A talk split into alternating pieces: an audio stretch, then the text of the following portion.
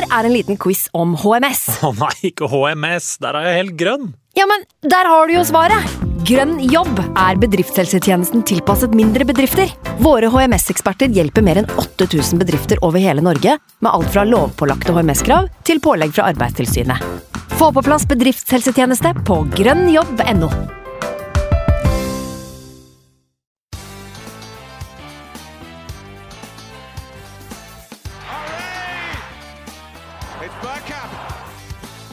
for grabs!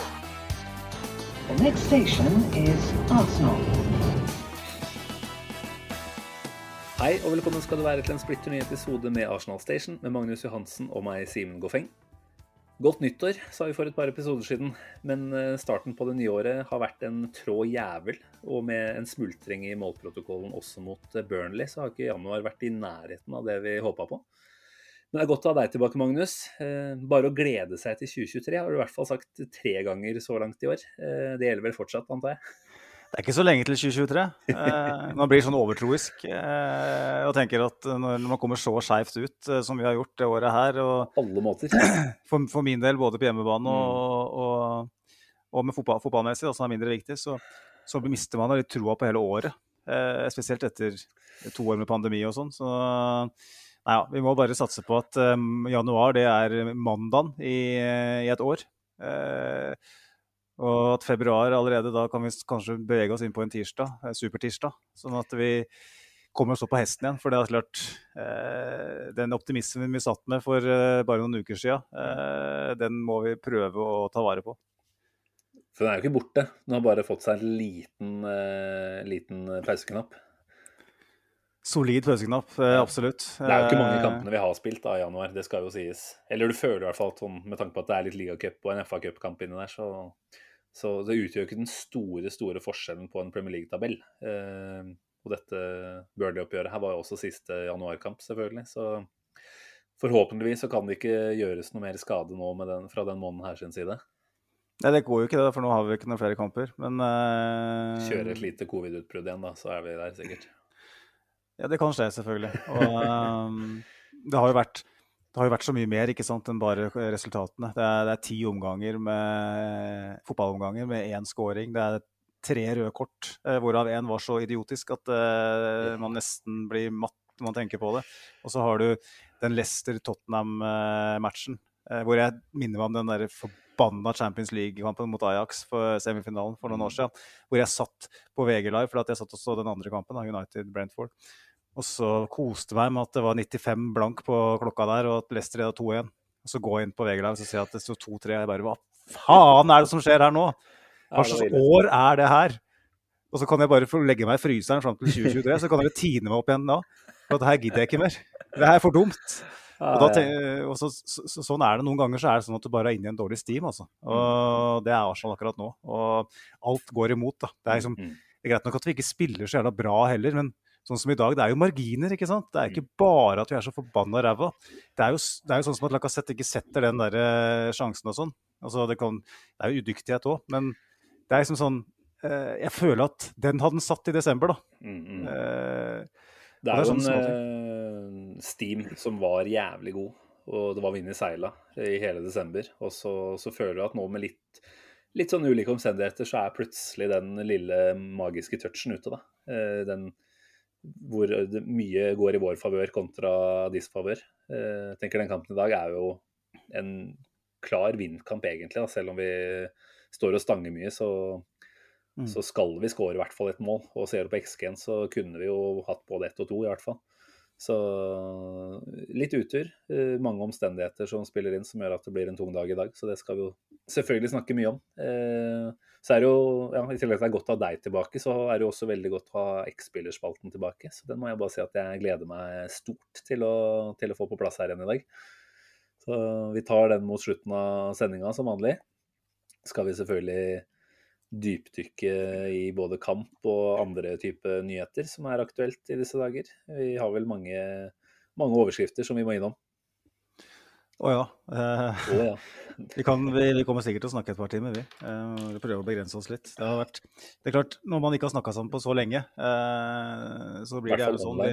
Mm. eh, Eller on air. jo, både jeg og du har jo hatt vikarer i løpet av siste måneden. Eh, Det har jo vært eh, veldig mye ting som har skjedd på hjemmebane for begge to, og som ikke er så hyggelig. og Da blir den podkasten litt nedprioritert, og, så, og sånn skal det, skal det jo være. Eh, Men det, det er så deilig nå å kunne sitte her og snakke fotball igjen, og eh, forhåpentligvis så slipper vi unna eh, flere sånne ting eh, fremover, sånn at vi kan eh, legge litt mer sjela i, i det her. da, sånn som, som X-spillerspalten, den, den har jo bare utgått helt, for man har ikke hatt mentalt overskudd til å drive med det. Mm. Eh, men nå, nå håper jeg at vi kan kjøre på igjen litt, eh, for det er jo veldig gøy å dykke tilbake ned i, i arkivet og være litt nostalgisk. For Mm.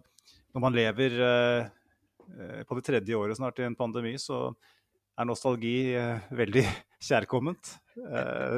Vi har jo hatt en trå pod-periode. Det er jo ikke til å komme utenom dette. Det er vel episode 71, faktisk. Når jeg må si det er imponerende i seg selv. Men Mm.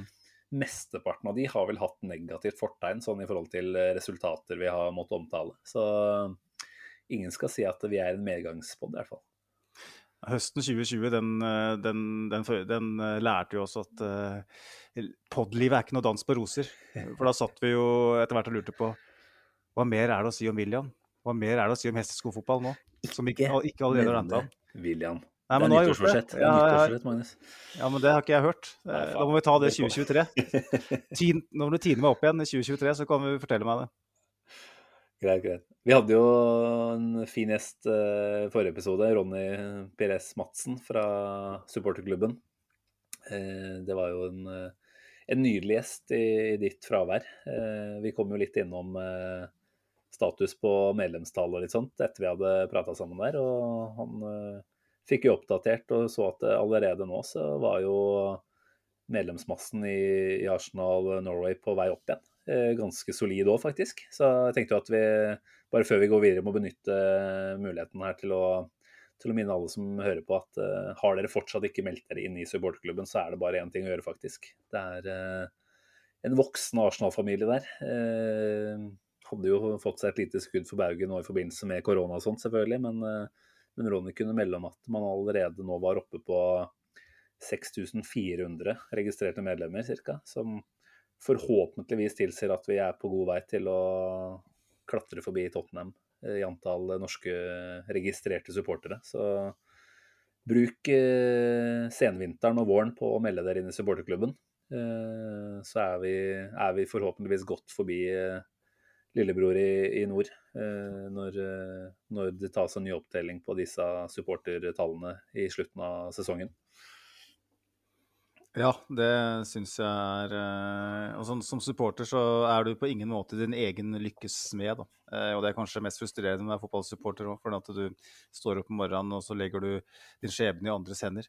Men akkurat den skjebnen her eh, kan jo vi ta tak i sjøl. Eh, det er bare å oppfordre alle rundt seg som holder med Arsenal, til å melde seg supporterklubben. Eh, Kanskje ta, kutte ned litt på Pepsi Max-budsjettet en måned, så er du der med en gang. Eh, og vi har jo opplyst eh, massene om det her i massene. Det var jo litt selvsikkert sagt. Jo, jo, men- det er, det er store, de store tall det er snakk om her. Så i den, grad, eh, i den grad vi har bidratt med det, så, så vil jeg jo si takk til eh, de av dere som lytter, som har, som har tatt den oppfordringa. Absolutt. Vi har jo lovt noe konkurranse ut på et eller annet tidspunkt her i den forbindelse òg, så det kommer. Vi må bare få satt hodene våre sammen og tenkt på hvordan. Så er vi der. Men vi trenger ikke å snakke mer om den biten der nå, Magnus. Vi har mye vi skal gjennom. Eh, vi starter vel kanskje der vi må, med, med fotballkampen som ble spilt eh, søndag eh, ettermiddag. Ja. Det Eh, vi må bli ferdig med det. Rive av plasteret. Får vekk. Jeg må jo si at eh, jeg hadde én høne å plukke med det laguttaket. Eh, så er det lett å kalle meg etterpåklok når det ble som det ble. Men, eh, men jeg må si at jeg satt faktisk og så den oppstillinga og tenkte at her burde vi ikke omrokert eh, Ben White ut av eh, midtforsvaret. Og heller fått eh, Chambers inn på høyrebekken. Kanskje til og med latt Ben White stå i midten og hatt Rob Holding på høyrebekken. Selvfølgelig en viss fare ved det også, men, men jeg frykta jo at i en kamp som dette her, hvor du har et lavtliggende Burnley, at man trenger den stopperen som kan eh, avansere oppover, eh, dra på seg press, slippe ballen både korrekt og, og eventuelt også å dra seg forbi for å skape ubalanse. Da. Eh, Rob Holding viste seg jo, har jo vist det egentlig tidligere i sesongen at eh, det er jo evner han ikke har. Eh, han har prøvd mer og mer for å være en slags blek eh, white-kopi på det området der. Eh, funker ikke. Funka ikke i dag heller. Eh, gang på gang så vi at han eh, spiller upresise pasninger.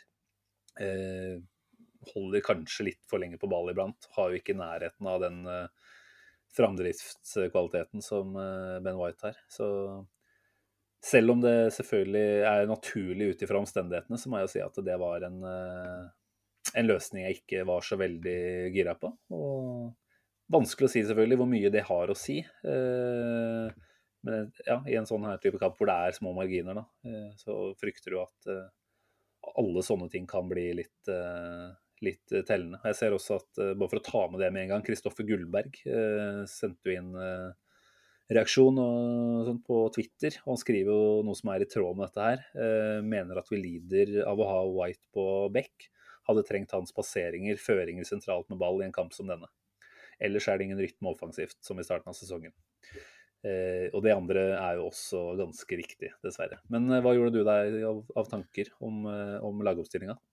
Nei, men også bare for å spinne litt videre på den eh, Ben White-problemstillinga, så tenker jeg jo at spesielt viktig kanskje i en, en kamp hvor, hvor vi mangler eh, både Granit Xhaka og, og Thomas Partey. Eh, Mm. Lokonga essensielt alene på midten til tider når, ben, når Ødegaard går høyere, eh, som han bør gjøre.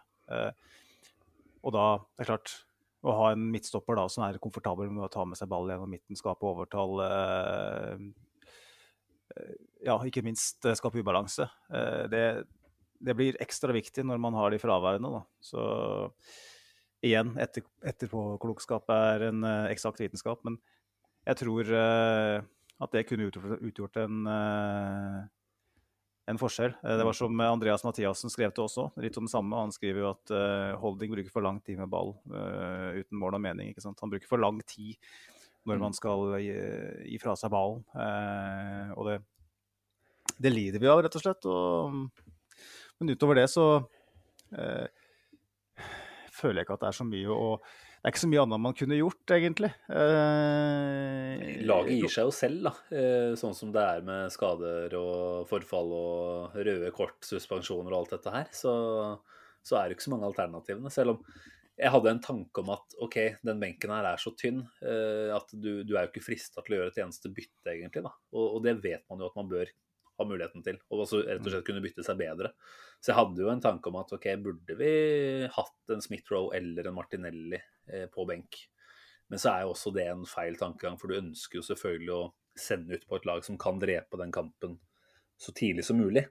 Så den føler jeg at det blir veldig lett å ta på etterpåklokskap. Og ikke Det var ikke noe jeg satt og tenkte på eh, ved, ved frigjørelsen av, av lagoppstillinga. Da, da så det helt greit ut. Så selvfølgelig, når man ikke bruker førsteomgangen bedre enn det vi gjorde, og er eh, er såpass uh, ufarlig da, i store deler av den omgangen der, så, så føles det nesten litt bortkasta å ha brukt opp uh, friske bein uh, på, på, å prestere på det nivået. Men, men, det er greit nok. Det var, det var for så vidt en lagoppstilling som, som venta, egentlig, da.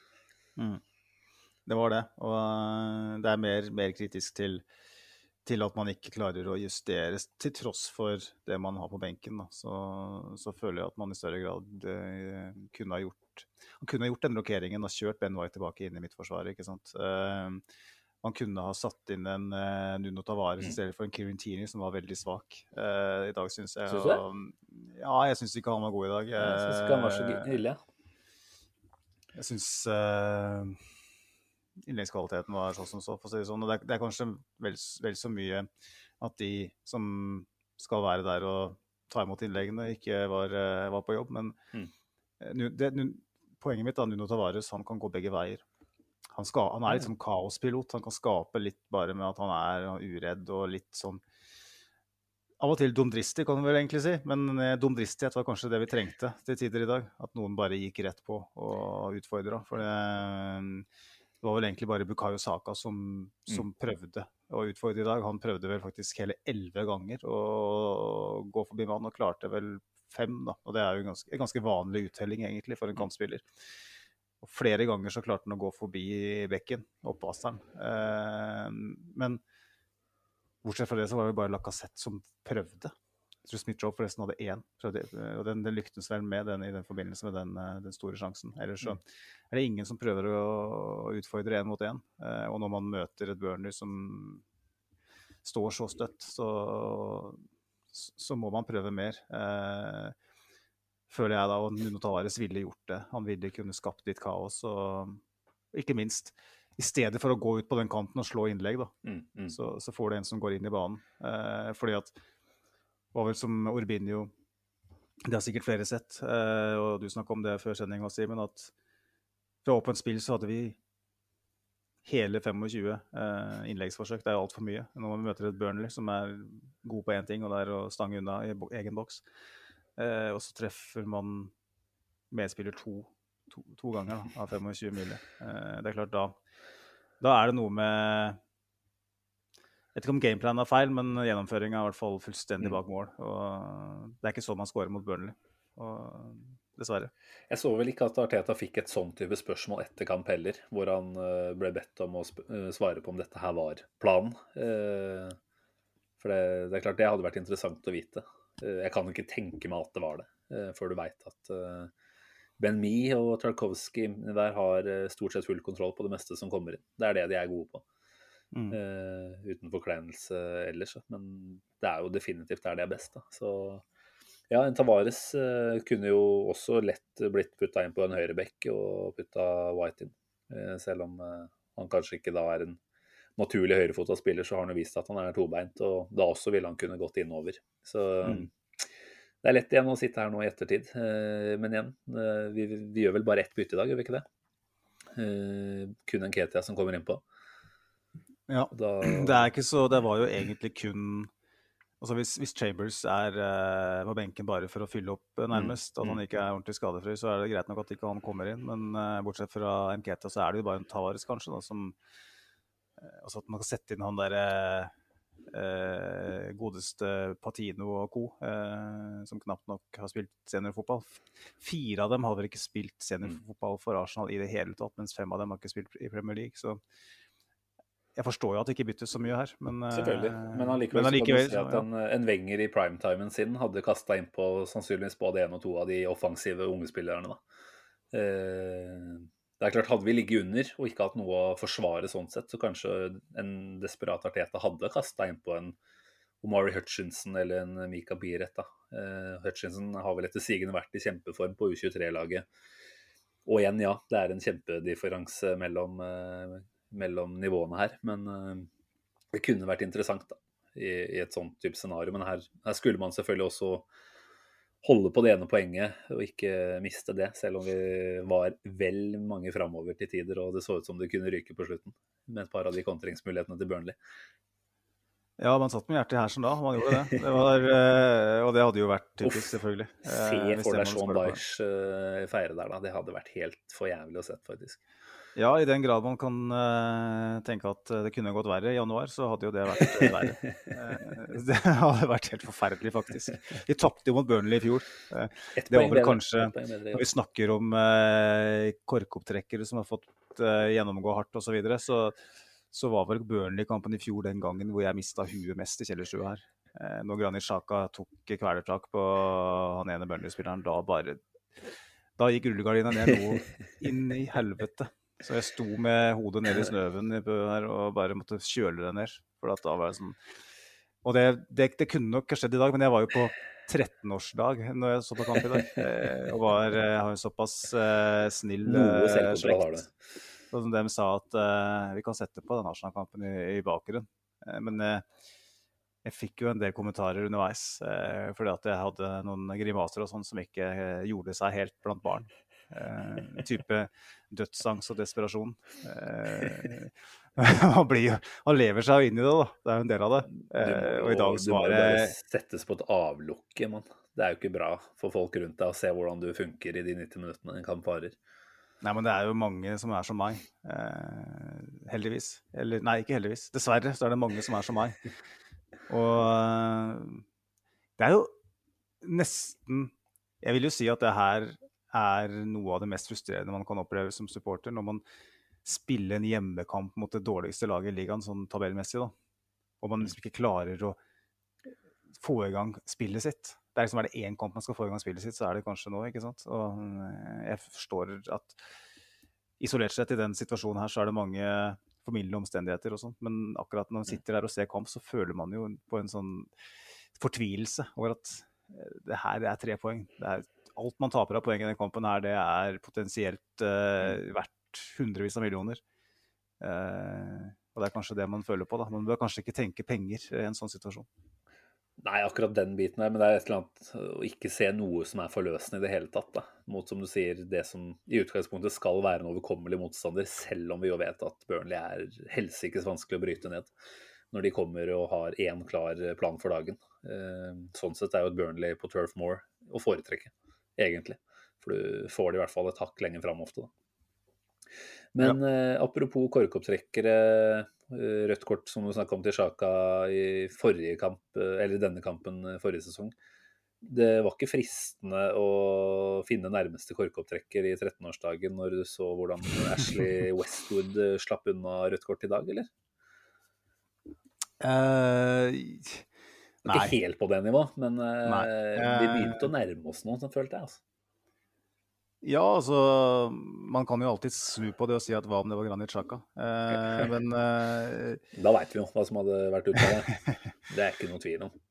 men vi har jo ikke tillit til, eh, til eh, PG og MHL og FA og Mike Riley og co. i det hele tatt. Eh, men jeg syns ikke at det var eh, nok. Eh, til å, så man, man, hadde man fått det røde, så kunne man sagt at eh, eh, det, det var jo en avgjørelse dommeren fikk muligheten til å ta, Mm. fordi at man spiller på en viss måte. Men eh, nei, jeg klarer ikke å ase meg på over det. Eh, det var heller, en, heller, heller et poeng som du vel nevnte, Simen, eh, før innspilling her, om hva eh, hva en Burnley-spiller må gjøre for å bli Mm. vurdert som en eh, sånn faul. Jo, men det er jo nettopp det. Altså Poenget ditt da med, med at uh, vi forventer kanskje ikke at Burnley uh, får et rødt kort på det. Det er kanskje en underbevissthet som sniker seg inn hos oss òg, da. Eh, jeg sier ikke at det er det styggeste, men, men det er klart at det er en, definitivt en mulighet til å gi et rødt kort der. Ja, det er en Tierney som sklir inn, og du kan egentlig si at Westwood setter ned foten sin der han ville satt den ned, uavhengig om Tierney var der eller ikke. Men Faktum er at han eh, tråkker den hardt ned på leggen, og det ser ikke ut som han jobber eh, febrilsk for å komme seg unna det, eh, det stedet der heller, da. Nei. Og jeg tenker jo at eh, den der ja, underbevisstheten vår eh, som forteller oss at Arsenal eh, pleier ikke å spille hardt og stygt, og derfor hvis det ser stygt ut, så er det veldig stygt når Arsenal gjør det. Kontra når eh, Burnley, som man forventer at spiller tøft, og ofte kanskje litt stygt. da. Eh, Når man ser det, så, så tenker jeg ja, det er litt tråd med det de pleier å gjøre. Så da, da gir vi ikke noe kort, da. Eh, Og da kommer vi på det poenget som du sikter til her, hvor igjen Urbinio, som er Stats-leverandøren, kunne fortelle at siden Burnley fikk sitt forrige røde kort, som vel var i desember 2019, kan det ha vært, Mm. eh, så har eh, Arsenal gjennomført ca. 1300 taklinger, eller fouls committed. Eh, Burnley litt over 1100. Og dette er jo da også hele Arteta sin periode, eh, selvfølgelig. På den tida så har Arsenal fått 14 røde kort, Burnley null. Eh, og ja, man kan selvfølgelig også si at Arsenal har påført seg selv mange dumme røde kort. Eh, men vi har hatt en diskusjon på det her mange ganger, og jeg kan ikke tro annet enn at det handler litt om igjen, hva du forventer av ulike lag. da. Eh, at når Arsenal gjør noe som er i grenseland, så tenker man at dette må være rødt kort fordi eh, Ja, for det første så ber ofte motstanderen om det, ikke sant. Altså, Mm. De også vet jo at de kan eh, holde på å kreve mer når det er et Arsenal eh, på andre banehalvdel, kontra i dette tilfellet, da, hvor man har eh, et Burnley-lag som, som ja, det er, det er, litt mer i tråd med identiteten, kanskje. Da. Men jeg har ikke lyst til at det skal bli en sånn sutresekvens. Men, men, som du sa, dommer har en mulighet, og han bruker den ikke. Og han bruker den heller ikke når Westwood er oppe med albuen på Gabriel bare noen minutter etterpå. Eh, jeg syns jo at de to til sammen er et rødt kort. Definitivt. Eh, ja, ja, ja. Går, altså En ting er måten han går inn i duellen på, men du ser han også løfter armen opp mot Gabriel. Greit, han treffer han kanskje ikke med albuen, han treffer han med underarmen i mm. ganske stor fart. da. Så, ja, nei, jeg må jo si at på en dag som det her, da, hvor det er små marginer Det er ikke sikkert Burnley hadde vært så mye enklere å, å skulle bryte ned defensivt, men det, det kunne selvfølgelig utgjort en forskjell. En viktig forskjell. Så... Jeg tenker at Når vi er ferdig med å snakke om kampen, så kan vi ta en, en liten debatt om det her problemet som Arsenal har. har. Også det, jo, jo jeg, vil, jeg vil det jeg syns det er viktig eh, at vi tar den debatten, fordi at vi får så mange røde kort i forhold til alle andre. Og deler av det er eh, definitivt fordi at vi har et problem. Uh, så kan vi ta en, en annen debatt om, om, hvordan vi blir bedømt. Uh, men uh, jeg tenker vi kan prate litt mer om måten vi spiller på i dag, da. Og jeg, jeg la jo merke til på Husgård, som jeg ofte bruker når jeg ser på Stats, at jeg vet ikke hvor ofte det skjer, men det, skjer ikke, det, skjer ikke, så veldig ofte. Og det minner om hestesko-VM, som vi jo deltok i ukentlig tilbake i 2020. Uh, eh, alle fire i backfield har nå over 100 touch på ballen. Ja. mens uh, f.eks. Smith-Roe har 49 og Matrinelli 57. Da. Vi har jo veldig mange touch på ballen. Vi har jo ball, vi har perioder vi hadde 90% possession i løpet av en timinuttersperiode. Mm. Men når forsvarsspillerne våre har så mange touch i en kamp hvor eh, vi møter et lag som bare er interessert i å få med seg en uavgjort, eh, som på sett og vis inviterer oss inn eh, Tenker du at, at alt kan settes på kontoen for manglende midtbanespiller, eller føler du at det er, at det er flere ting her som, som gjør at, at, det blir som det blir? Jeg tenker Det er litt i tråd med det vi var inne på i starten her, når vi snakka om uh, lagoppstillinga. Uh, at uh, man tillates jo å ha flere touch når man holder på Det var jo veldig mye trilling fram og tilbake mellom stopper og bekker.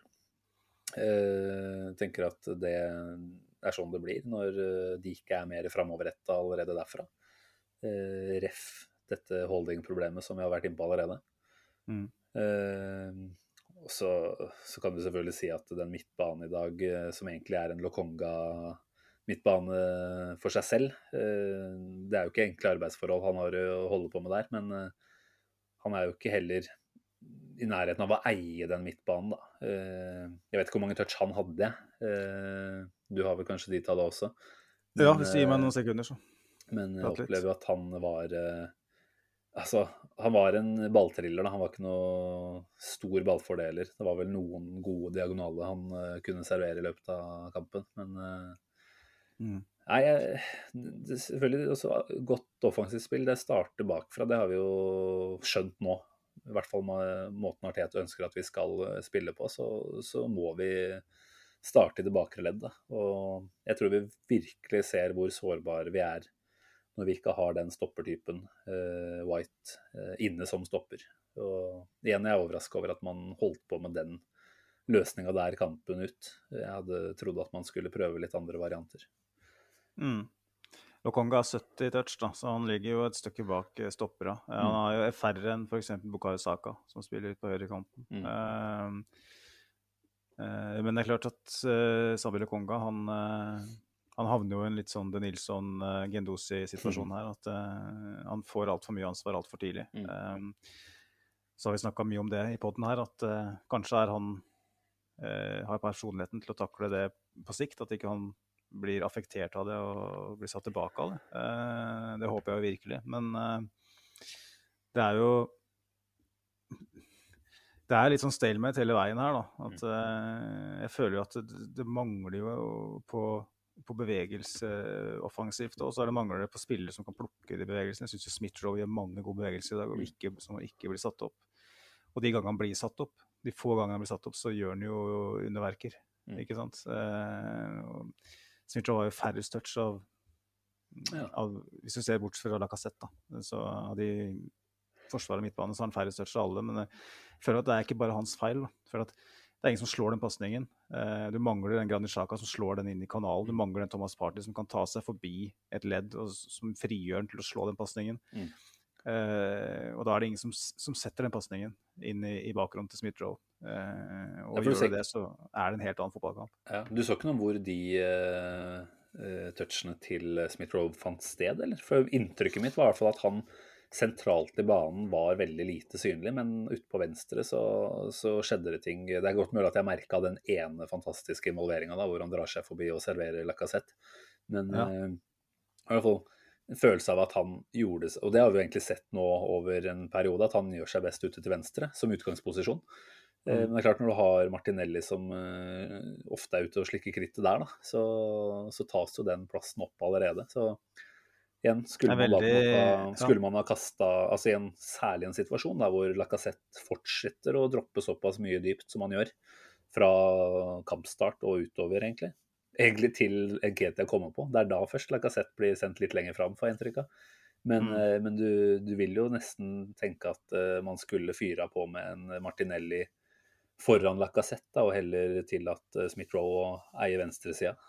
Så ja, For det, så hvis du ser på toucha, så er de stort sett uh, altså De er litt over hele banen her, men Mm. de fleste er ute på venstre. uh, sentralt i kanalen, kan du si. Uh, så er det én ting som jeg har nevnt flere ganger i poden her, og, og det er jo at Smith-Roe og Saka har et veldig godt samarbeid. Det er, når de begynner å kombinere, da, da, da går det nesten på autopilot. Eh, og Smith-Roe, han er jo nest, har nesten ingen touch ute til høyre. Og det er jo fordi at Ødegaard spiller der, selvfølgelig. Men jeg, jeg tror det kunne vært en idé å prøve å flytte Saka og Smith-Roe litt nærmere hverandre når man havner i en sånn situasjon som i dag. For at de to har en helt spesiell link. Eh, og i dag så får de ikke brukt den i det hele tatt. Eh, når vi kunne virkelig hatt behov for det.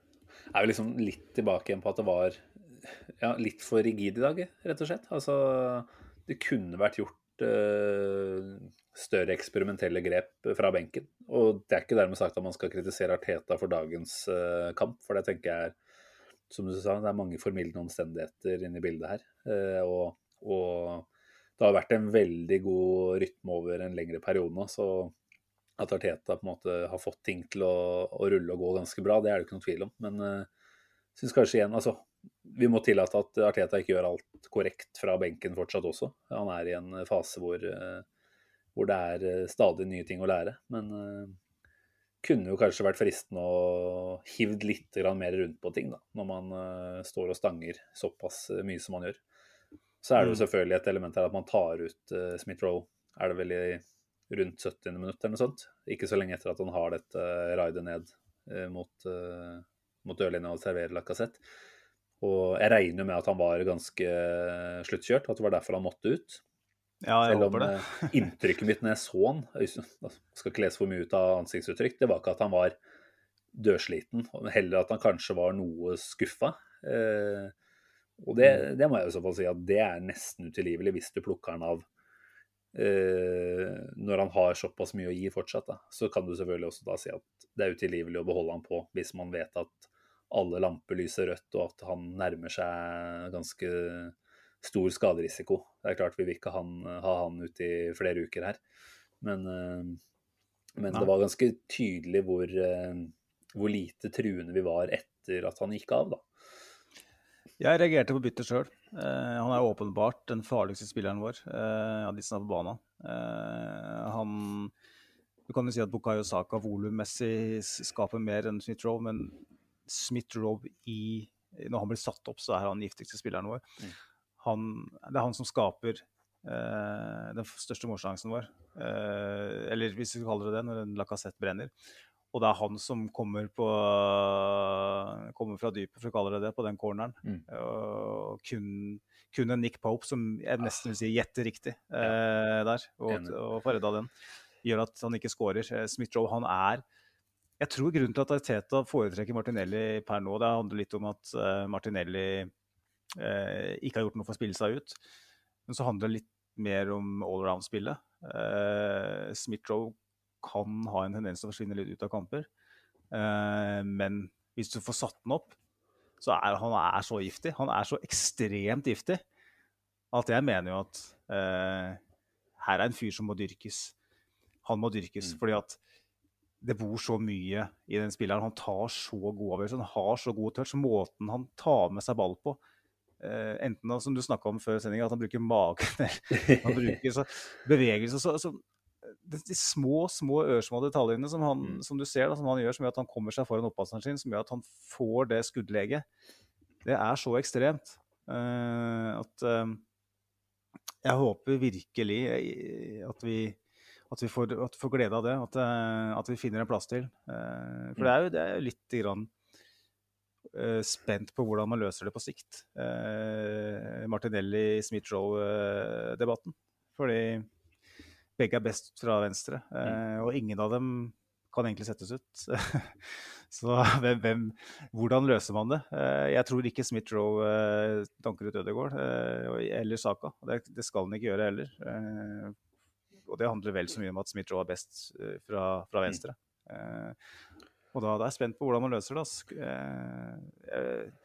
Arteta har et luksusproblem, da, og det skal vi kanskje være glad for. Og det er jo det, det er, det er et luksusproblem så lenge man har en skadefri, eller i hvert fall bortimot skadefri tropp, hvor du da ikke er på beinet på andre posisjoner. Men det er ikke så kult å ha det ene luksusproblemet i den posisjonen du faktisk er greit forspent. Da. Altså, sånn som nå, ikke sant? Så, så kommer du ikke utenom å bruke begge eh, samtidig. Men da, da, da går vi kanskje litt oppå hverandre, da, når det blir snakk om det posisjonelle her. Mm. Det, jeg er litt spent på hvordan man løser eh, de neste Nå er det vel er det to og en halv uke nesten til eh, ny kamp. Og det er jo en, eh, en alle tiders mulighet for Arteta til å tenke seg godt om. Hvordan skal han eh, pusle sammen et best mulig oppsett her. Så Mm.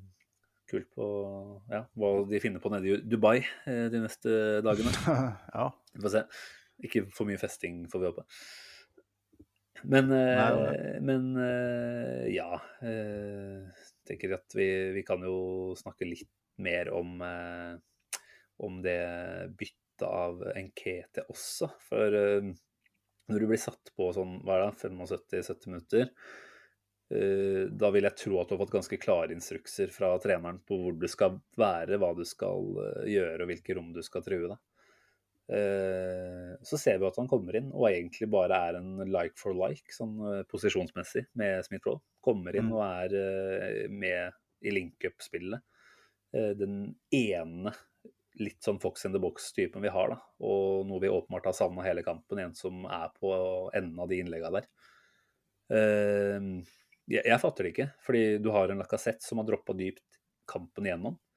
Når Nketia kommer inn, så er Lacassette for så vidt et hakk lenger fram, og det er vel og bra, det. Men uh, det gir ikke mening, da. Når uh, Lacassette er den som er best i det linkup-spillet der. Og Nketia åpenbart eh, lukter mer målsjanser, selv om man ikke alltid omsetter de, selvfølgelig. Så der stussa jeg veldig, altså. Hvis det faktisk var instruksen han hadde fått. Eh, og eventuelt så er det jo håpløst dårlig utført, da, hvis han har fått beskjed om noe annet og ikke klarer det. Men eh, det var sånn lite varseltegn for min del, da, at eh, hva, hva er det som er planen her? Ja, det er jo in game management som vi har kritisert uh, Ariteta for uh, mest det siste tida. Uh, eller også i løpet av kan du si, høsten og, og, og så langt i, i januar. Eh, og det er jo et, et nytt tilskudd i den familien. Eh, det minner meg jo litt om når eh, Wenger satte inn Bentner på kant for å slå innlegg på Aalbot. Det skjedde jo opptil flere ganger. Eh, og man lurer liksom på Er det et sånn element of surprise her? At man skal lure motstanderen litt? Eh, jeg vet ikke. Eh, akkurat når det gjelder Bentner og Walcott, så kunne jeg kanskje skjønt det lite grann. Da. Men her skjønner jeg det virkelig ikke i det hele tatt. Eh, og du tenker jo Edi Nketia, han er en litt sånn one trick pony, egentlig. Selv om Mariteta prøver å fortelle oss at han ikke er det, så har han jo ikke vist, vist noe til oss eh, som supportere som ser kamper eh, og ikke trening. At, eh, at Nketia har så veldig mye mer å by på enn at han er veldig skarp i boksen. Og da blir det veldig rart at han skal komme inn i en kamp hvor jeg mener også de, de to poengene vi taper der, det er liksom sånn Når man teller opp i mai, det er sånn man tenker faen, der, der mista vi det. Kanskje. Eh, og da er det en sånn avgjørelse som for meg er helt, helt uforståelig. Eh, for at Enkete, han jeg syns han er sånn begrenset Og så vet jeg at han har tatt steg, og at han jobber hardt og tydelig, tydeligvis en veldig proff type på trening og sånn. I kampsituasjonen så har jeg nesten aldri sett den gjort noe annet enn å være kjempegod i boksen. Eh, og vi husker jo tilbake til Sunderland-matchen i ligacupen, og det er jo mm. Klart det er Sunderland, eh, men fytti grisen for den avslutninga, da. Jo, eh, han viser jo at han har et repertoar eh, i boksen som er ganske vilt. Og når han da på en måte bruker den på noe helt annet, så ja. Da skjønner jeg det ikke i det hele tatt.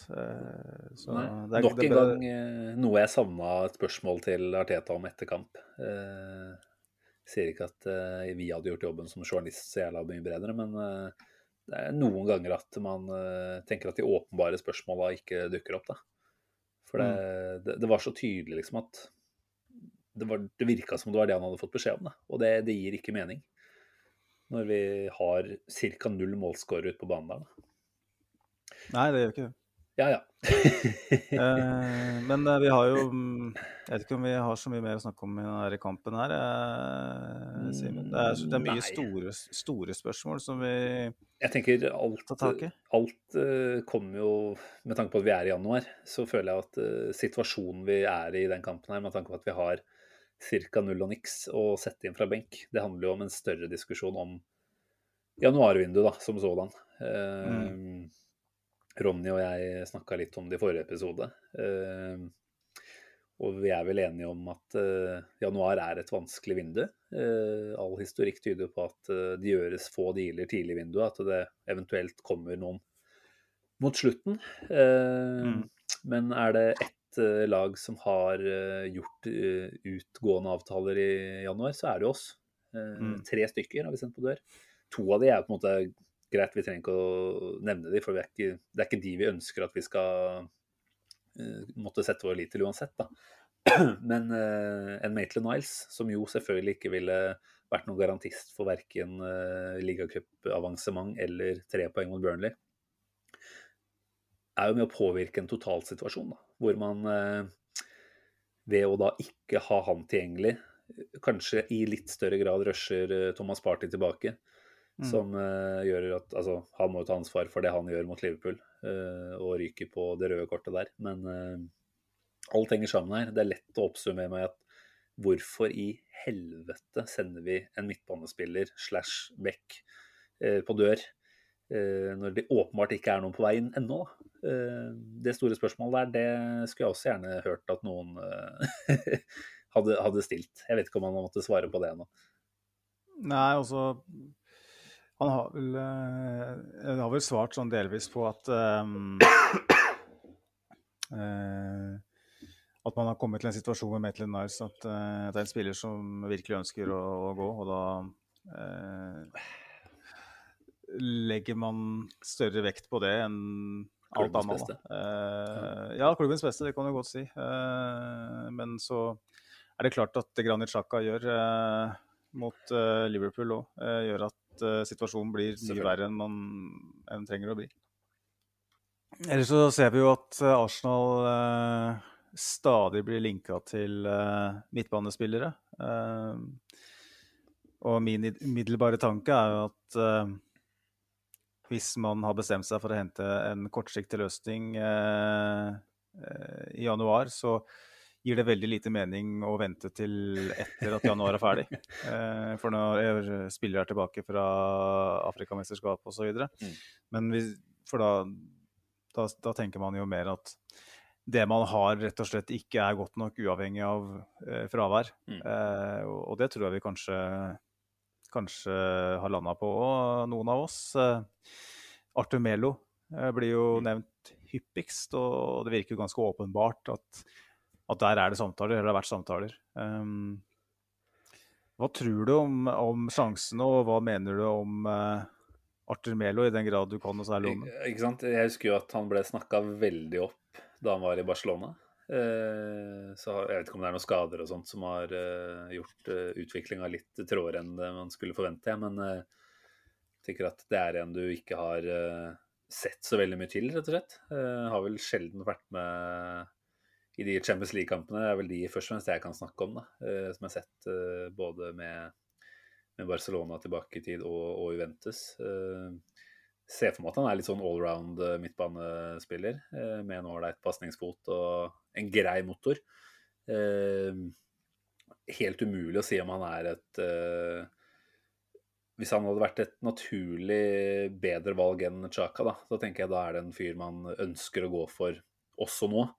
Men det er kanskje ikke så mye som tyder på at han er den store oppgraderingen av Altså Hvis du tenker at Chaka Party er vår Eh, klart foretrukne midtbaneduo, da, så kan vi si med sikkerhet at han går ikke inn for Party.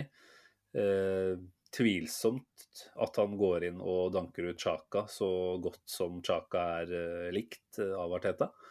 Eh, og da blir det sånn som du sier, da. Skal man hente inn et tredjevalg nå eh, for å være en del av stallen ut sesongen? Det er kanskje ikke det dummeste. Selvfølgelig, vi har, vi har plutselig en en forestående krise igjen, vi, med skader og suspensjoner og sånt. Så du vil jo alltid kunne få nytte for det. Men eh, det er jo i tråd med deg at hvis man tenker en kortsiktig løsning, som jo vel er det man skulle tro i det tilfellet her, med tanke på at eh, det er en seks måneders avtale som har vært etterspurt, og så hører man jo at Juventus ikke ønsker å gå med på noe sånt, men ønsker et halvannet års uh, utlån.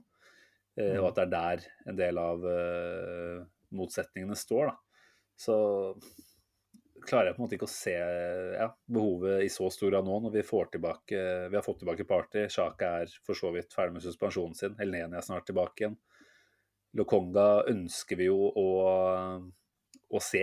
Altså, ja, vi ønsker ikke at han skal være den vi må sette vår lit til på midtbanen, men vi vil jo gi han minutter. Så mm. henter du inn en Arthur Melo på lån og, og da potensielt sett ta vekk en del spilletid for Lokonga, da Eh, da syns jeg det er en merkelig avtale. Så det er klart, hvis, hvis, Arteta eventuelt du har sett noe her som du tenker at dette er en spiller vi kan uh, gjøre ekstremt god igjen, da. Uh, med riktig, ja, riktig utviklingsomstendigheter, uh, så, så, tenker jeg jo at det kan være en fin deal. Og jeg ønsker fortsatt å, å gi Arteta særlig, og kanskje du òg, goodwill når det kommer til å gjøre avtaler eh, på overgangsmarkedet. Og så får man jo egentlig bare ta tida til hjelp og komme konklusjonen i ettertid, når man eh, ser hvordan eh, dette har løst seg. Men nei da, i litt enkle ordelag tenker jeg at det er ikke der jeg ønsker å bruke, bruke tida vår. Jeg håper Edu, i den grad han kan spille flere baller i lufta på en gang, gjør det. Men hvis han må velge seg én avtale, så håper jeg han jobber ræva av seg for å hente inn en spiss og ikke en midtbanespiller. Ja. Um, nå hakka vi noe helt vilt her, bare, så jeg håper ikke det kommer med i innspillinga. Uh, men, så jeg fikk ikke helt med meg alt du sa der. Men bare for å avslutte det Artur Melio-avsnittet, før vi går videre til han som har dominert overskriftene i januar, så så, så, er det et argument at Artur Melo kanskje er en som har hatt litt disiplinærproblemer. Kom til Barcelona som et gigantisk talent. Eh, får store penger fra, fra brasiliansk fotball. Eh, ble omtalt som det neste eh, Xavi osv. Og, så har han vel festa litt med Neymar i, i Barcelona, blitt tatt for fyllekjøring i Italia. Eh, da tenker jeg umiddelbart at uh, han og Arteta tenker ikke særlig. Men det er jo mulig at Arteta tenker at han kan være et sånt prosjekt. Ja. Så Han har sett nok av han. Han har jo tross alt gode kontakter i, i Barcelona, vil, altså, vil jeg tro. sånn at han har en viss peiling på hva slags type det her er. Um, ser du på tallet hans, så, så er det jo en type som slår veldig mange progressive pasninger. Flink til å få ballen hurtig fram. Uh, tenker du på matchene vi spilte i dag mot Burnley, mm. så kunne han vært en type som kunne ha, ha hjulpet oss. Han er kanskje ikke den som slår de målgivende pasningene eller uh, de avgjørende pasningene, men han er, den, han er, en type som sørger for at ballen kommer frem til de som kan gjøre det. Eh, Og da, da, begynner vi å snakke om en, en, type som vi kunne hatt behov for. Eh, jeg føler at vi har to per nå, eh, i Sjaka og Thomas Partey, som, som, på ulikt vis bidrar til det. Mm. Men vi har kanskje ikke en tredjemann. Eh, og skal vi være seriøse om en topp fire, så, så, trenger vi nok kanskje en til. Lokonga gjør en god jobb sammen med en av de nevnte i de fleste kamper. Men nå er det sånn, sånn slik at Thomas Partey ofte er ute med småskader. Granit Sjaka han er ofte ute med rød kort. Så eh, jeg føler at vi trenger en midtbanespiller. Eh, men jeg er enig med deg om at eh, vi sannsynligvis har et enda større behov for en spiss. Rett og slett fordi at eh, Aubameyang eh, sannsynligvis ikke kommer til å bli satsa på. Um. Og da, da, som vi snakka om før sesongen, Artetas viktigste oppgave snakka vi om da, er å få i gang Aubameyang. For har vi ikke han, skårer vi ikke mål eh, nok. Altså skårer vi ikke nok mål. Da har vi ingen garantist for skåringer. Eh, så hvis han ikke får til det, så kommer dette å gå til helvete. Og nå har vi spilt ti omganger med fotball i januar og skåra ett mål. Eh, og det er det mange årsaker til. Men en årsak er at vi har ikke en, en målgarantist på mm. topp. En som kunne vært der i dag og tatt i løpet av første stolpen når Bukayo Saka tar seg forbi oppvaskeren sin, uh, osv. Så eh, sånn at eh, Dusan Lavic, da, som er åpenbart uh, ønska uh, Det blir spennende å se om han eh, kommer inn porten i løpet av måneden. Vi kommer ikke utenom litt Vlavic-preik i dag også, vel. Jeg føler ikke at vi har blitt noe klokere i løpet av de siste dagene siden jeg og Ronny snakka om det sist. Eh, allerede da så var det jo mye fram og tilbake. Hva er, det som, eh, hva er det man skal tro på, rett og slett? Eh, siste nytt fra, fra Fiorentina trener slash eh, eier er vel at det ikke har kommet noe formelt bud ennå, ifølge dem. Og den biten skulle vel etter sigende være det minste problemet, da. Eh, det er jo heller eh, enighet med spiller og agent som er den store utfordringa her. Hvor det er ganske åpenbart at uh, Vlavic ønsker sannsynligvis da vente til sommeren, hvor mulighetene vil være flere. Og jeg, jeg tenker at sånn som vi står nå, så, så er det enten en sånn så nær en, en, målgarantist som du kan få, da, eh, som du må hente. Eller så må du få Aubameyang inn på laget igjen. Du må integrere han på et eller annet vis. da. Og, mm. og ja, Lavic ser kanskje ikke så sannsynlig ut i disse dager, men jeg tror faktisk det er mer sannsynlig enn at uh, Arteta og Aubameyang bryter brød, og at uh, gaboneseren er tilbake igjen uh, i løpet av noen etter en varm uke i, i, Dubai. Og hvis det på en måte er det som skal til for å å bygge opp roen igjen, så, så ble jeg veldig overraska. For der, eh, der, virker det som det har kjørt seg veldig fast. Jeg vet ikke om vi skal ta med de, det som er rykter, da. Eh, men eh, det var vel Lekip som var ute og, og, skrev at både Aubameyang og han Dennis Buanga, var det vel, en av disse andre som da også hadde, ifølge Gabons medisinske team, hatt noen hjerteproblemer. Ifølge Lekip så skal jo ikke det være tilfellet i det hele tatt, men at det heller var at det var en uh, festdeltakelse uh, i forkant av Afrikamesterskapet. Mm. Så, så, jeg tenker jo at uh, stemmer det, så, så, viser jo kanskje det bare enda en gang hvor langt unna Arteta er å ta til seg det Arteta ønsker at han skal gjøre, og, og viser jo at han ikke har holdningene til å plukke opp uh, hanskene igjen og fortsette å fighte for en plass. da. Virker som han er i en uh, litt sånn tidlig midtlivskrise, eventuelt sen fotballspillerkrise, hvor han er uh, litt ute å kjøre på, på flere områder. Uh, sikkert som følge av mange nedturer personlig i form av sykdom, og var det også dødsfall i familien. Eller var det bare sykdom? Men, det bare sykdom, tror jeg. Ja, men uansett, altså, tenker jeg Bare, bare. ja, ikke sant. Men uh, skal ikke tro 100 på det heller, uh, det som blir rykta der. Men uh, det er jo også i dag, da, når Arteta blir spurt om det, ikke i nærheten av noen garantier for at uh, Aubameyang er med til Dubai på treningsleir der. Så nei, det er en uh, vanskelig situasjon der. Hva, hva tror du er mest uh, nærliggende å forvente nå i løpet av de neste dagene og ukene? Er det en uh, spissignering, eller er det at Aubameyang kommer seg tilbake igjen? Det er veldig vanskelig å si, altså. Uh, hvis Arsenal tenker at Vlavic er liksom Han er liksom the one, da. Litt sånn som Liverpool gjorde med van Dijk og Alison f.eks. Eh, et, et prosjekt eller prosess som er på god vei. Eh, og så mangler man liksom den, den, store brikken som skal få alt til å flyte. Eh, hvis, hvis, man har den følelsen med Vlavic, så, så, tenker jeg at hvis, hvis han ikke vil gå, gå før til sommeren, så, så, venter man heller og prøver. Kanskje får man noe på lån, da. Kanskje, eller et eller annet bare for å mm komme seg til sommeren og så prøve igjen. Eh, I stedet for å bruke Si man bruker 700-800 millioner på en Alexander Isak, da, og så er man litt usikker.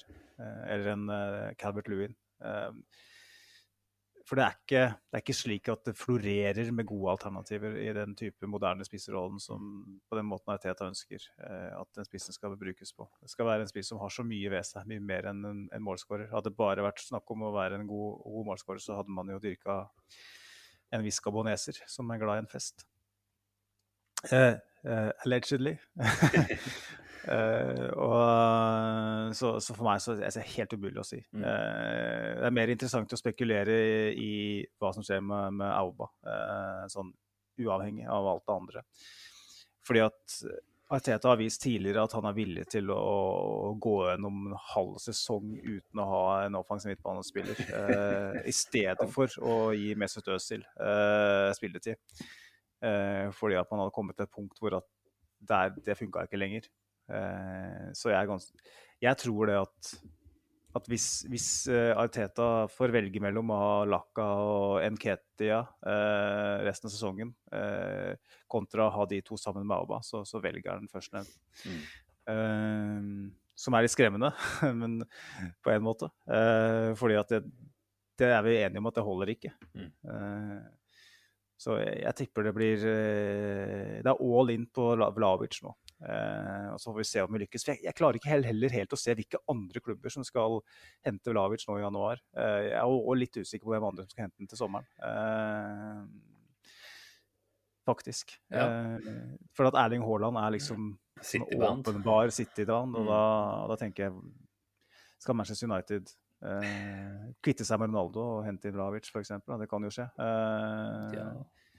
Men det er ikke noen sånne åpenbare ruter ellers. Eh, nei, ikke akkurat nå, nei. Det er eh, jeg enig i, for så vidt. Men så har du jo to spanske giganter da, som også ønsker seg Haaland. En av de kommer åpenbart ikke til å få han. Eh, hvis ingen av de får han, så er det jo ikke sikkert at Vlavic eh, et av de stedene er så uaktuelt heller. Og det er vel sånne her type tanker som agenten også da fòrer han med. Eh, mm. Tenker at eh, Gress er sikkert grønt og fint i Nord-London hos Arsenal, det. Men kanskje det er enda grønnere og lukter bedre eh, i Spania. Så, ja. så er det klart at uh, en, en, agent som ikke nødvendigvis forleder, men for jeg vil jo si at altså, skal vi si objektivt på det, så er jo ikke Arsenal per i dag det er jo ikke noe garantiklubb for Champions League-deltakelse eller, uh, eller, stor suksess de neste to-tre årene. Det er jo ikke det. Så klart er du en Vlavic som ser for deg at du skal rett inn i Champions League nå, så, så er det jo Det er klart at da, da, har du andre alternativer sannsynligvis da, i sommer. Så kan man jo si det på andre måter, at tror han nok på egne ferdigheter, så tar han opp øh, den øh, eh, utfordringa det er da, å komme til Arsenal i januar og, og være med å skyte det til Champions League. Fordi Arsenal med Vlavic, det kan vi bare drømme om, selvfølgelig. Men, eh, men det er jo ikke veldig kontroversielt å mene at det vil være et godt stykke på vei da, eh, mot å sikre oss de skåringene som, eh, som, kreves for å ta en topp fire-plassering. Nei, det, det, er veldig spennende i hvert fall. Jeg ser jo ikke Serie A mer enn særs sporadisk, så jeg har ikke sett han spille omtrent i det hele tatt. Men uh, man har jo brukt ganske mye tid nå i løpet av januar på å både, både høre podkaster og, og, og, lese lese in depth-artikler om, om den, så man har fått danna seg et visst inntrykk, selvfølgelig. Eh, jeg tenker jo Steven, at hvis, hvis man plutselig kommer til et punkt hvor man ser at det her er veldig store sjanser for at skjer, så skal vi prøve å få tak i noen kanskje på den nå som kan si noe mer kvalifisert enn oss. Mm. Uh, Det er på tide. uh, ja, men nå har jo ikke vi fått sagt så mye de siste månedene, da. Men uh, vi, vi, vi, trenger en spiss. Vi gjør det. vi gjør det. Det er jo et, et det... annet navn da, som det er verdt å, å nevne her, og som har vært nevnt, men ikke blant de hyppigste. Det er jo han Jonathan David, canadieren hos Lill. Jeg har også brukt litt tid på å se litt, lese litt rundt han. Og, og, egentlig til min overraskelse, da. For jeg har liksom hatt inntrykk av at det er en rask, liten målskårer som ikke kan så veldig mye annet enn å kanskje utfordre fra vingen. da. Men jeg uh, leste en artikkel her som, uh, som uh, tydeliggjorde det, at han har jo veldig mange gode underliggende tall som, som viser at han gjør en type Firmino-jobb ganske effektivt, faktisk. Vel å merke i, i, Frankrike. da. Men at han nå også denne sesongen har blitt en, en kjempegod målskårer. Og det er klart at Da begynner du å nærme deg en pakke igjen ikke sant? Som, som man kan tenke seg at Arteta er ute etter. og så kan du jo selvfølgelig si at vi har henta spillere fra Lill, offensive spillere derfra, vi, uten stor suksess. Men uh, vi fant at uh, det, er, uh, det, var en Raoul Sané-tabbe. mens det som sitter og tar avgjørelser nå, er mer kvalifiserte fotballfaglige menn. Da. Men det er interessant, Simen, det der du sier der. det har skjedd en del, faktisk, på måten vi konsumerer fotballstoff siden den gang. Husker vi henta Nicolas Pepé. Det er vel, var jo 2018, var det det? Eller 2019? Mm, jo, det var vel før 18-19-sesongen, ja. Stemmer. Den gangen så Vi brukte ganske mye mindre energi på sånne bitte små tall her og der. Altså XG og alt sånt har jo revolusjonert måten vi konsumerer fotball på. Sånn at eh, hadde vi lukta på PP i dag, da, Eh, så hadde jo kanskje Arsenal-Twitter, Arsenal-sfæren på en eller annen måte klart å advarte oss mot at her er en, en spiller som kanskje ikke eh, har så mye mer ved seg enn det man ser på YouTube, eh, på et vis. Jeg vet ikke. Jeg syns det er interessant, fordi at når du sier det med, med han David, da, så, så, Den researchen som ble gjort eh, av andre, vel å merke, som vi nyter godt av, mm den ble ikke i like stor grad gjort. Og det, jeg tror at det, at det, det, blir bare mer og mer tilgjengelig råmateriale. Både for klubbene og for oss, spesielt for oss. Som gjør at man, man, man får et så mye bedre inntrykk av, eh, av, Det er mye lettere å ta klubbene for, eh, for dårlige dealer, da. Eh, og altså, det er jo helt åpenbart at, at det jobbes mye mer grundig nå i Arsenal. Men ikke bare i Arsenal, men andre steder òg. Eh, man kommer ikke lenger unna med å ha en sånn agentdrevet business. Mm. for at alle har blitt smartere. alle har blitt mer grundige. til og med oss som sitter og konsumerer det. Og det, det syns jeg er litt kult. da når vi sitter her og liksom ser på underliggende tall for uh, Som en spiss, den som Lavic, så sitter vi og ser liksom på tall som handler om link-up play og antall touch i midtbaneledd. og Det er ganske sjukt, da. Ja. Uh, sånn at uh, jeg, jeg, stoler jo på Arsenal på en helt annen måte nå. heldigvis. Vi ser jo at de dealene som ble gjort tilbake i Raoul Sané i tida Eh, det er fortsatt noe vi sliter med. Det var på en tid hvor vi snakka om at nå må vi kvitte oss med daukjøttet. Og vi har kvitta oss med daukjøtt, og så har vi bare lagt til mer daukjøtt. Vi har erstatta daukjøtt med daukjøtt i sikkert fem år. Det er ikke kødd engang. Eh, nå ser du at vi sender Pablo Mari på lån til eh, Odinese. Mm. Eh, du ser at en eh, Cedric Suárez bare er så langt unna å være god nok. Og det er to spillere som ble henta på samme tidspunkt, hvor vi som supportere satt og bare satt at mm er det her? Hva er det her, liksom? Vi ser at det her ikke det, altså, Hvis det lukter lungemos, så er det som regel lungemos, da. Du skjønner? Vi er, blitt, vi er såpass smarte nå at vi ser at klubben eh, kødder. Og det, det, gjorde den på det tidspunktet, og nå ser jeg at Arsenal er seriøse. Og det gjør, meg, det gjør at jeg bare tenker at ja, eh, hvis vi er villige til å bruke 700-800 mil på mm. Dusan Vlavic, da tenker jeg at kjør på. Men hvem, hvem er det som er mest seriøse? Hvem er det som gjør at Arsenal har blitt seriøse? Er det Arteta, eller er det du som har lært? Fordi det er jo ikke noen tvil om at eh, Arteta i starten av sin Arsenal-karriere hadde mindre å gjøre med overganger enn det han etter hvert har fått.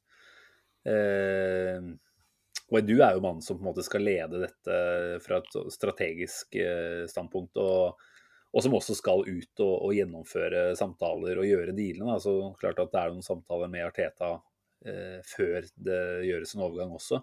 Det er jo ofte han som har vist seg å være tunge på vektskåla i noen tilfeller òg. Mm. Men uh, jeg, jeg har jo fortsatt Jeg kjenner jo at eh, selv om jeg har lyst til å gjøre eh, nei, Edu mer og mer tillit, så har jeg noen forbehold der fortsatt. altså Jeg må bare si det. Mm. Uh, uh, ja, jeg skal ikke bruke januarvinduet nå mot han ennå. Men, men det er jo et fuckup av et vindu så langt, da. når man Mm.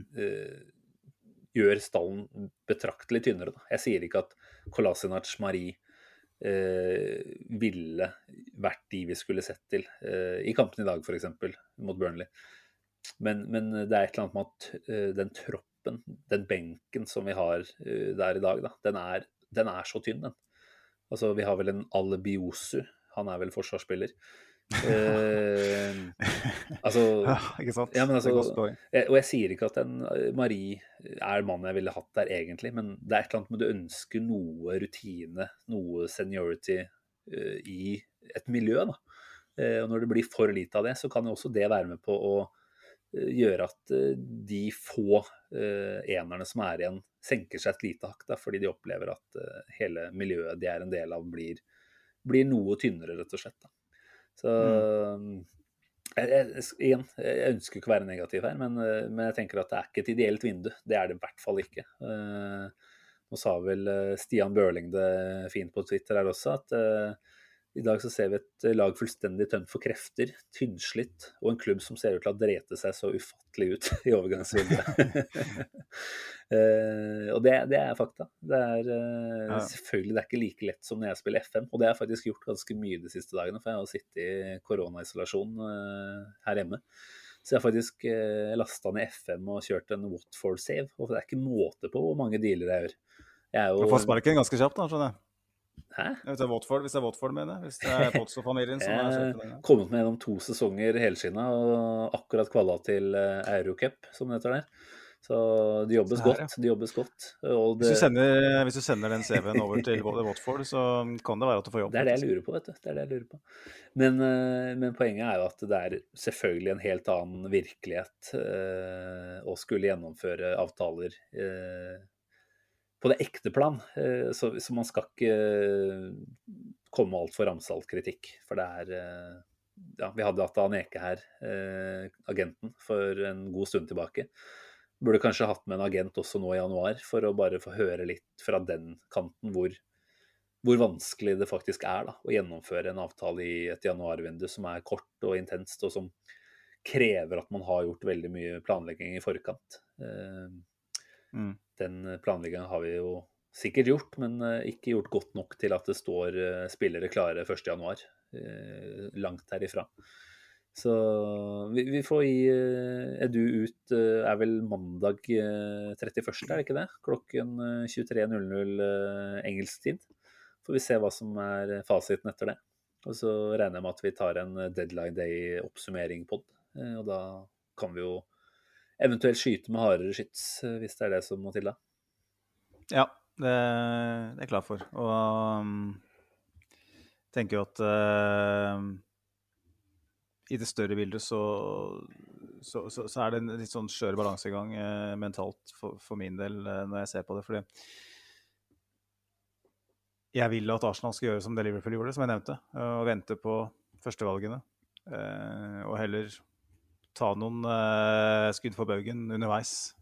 Ta noen uh, øserunder i båten, uh, hvis det er det som skal til, for å få det første valget. For det er snakk om en investering for mange år fram i Mm. tid. Eh, men det er klart, i sommer så, så så vi mye av det samme. Vi var ikke helt klare til sesongstart. Så vet vi at det var et covid-utbrudd og sånn, så, som er formildende, men vi, måten vi tanka mot City på der på Etiad, var bare skamfullt. Mm. Eh, tap mot Brentford, tap mot Chelsea på hjemme. Eh, verste sesongstarten av noe lag i den engelske toppdivisjonen på 53 år, hva det var. Helt sjukt. Eh, vi er ikke klare til sesongstart.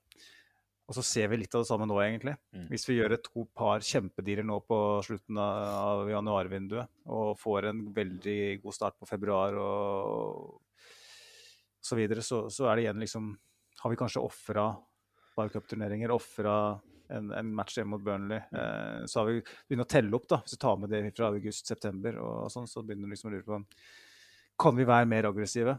Eh, Mm. kan vi jobbe, altså, jobbe på en måte som gjør at vi har ting klart? For jeg, som du sier, vi jobber jo ikke Vi begynner jo ikke å jobbe 1.1. Eh, Fabrizio Romano, som eh, vel er ansett som den som har flest kilder, vet ikke om han har best kilder, men han har åpenbart veldig mange som har en viss peiling. Sier jo at vi har jobba med Vlavic i oktober.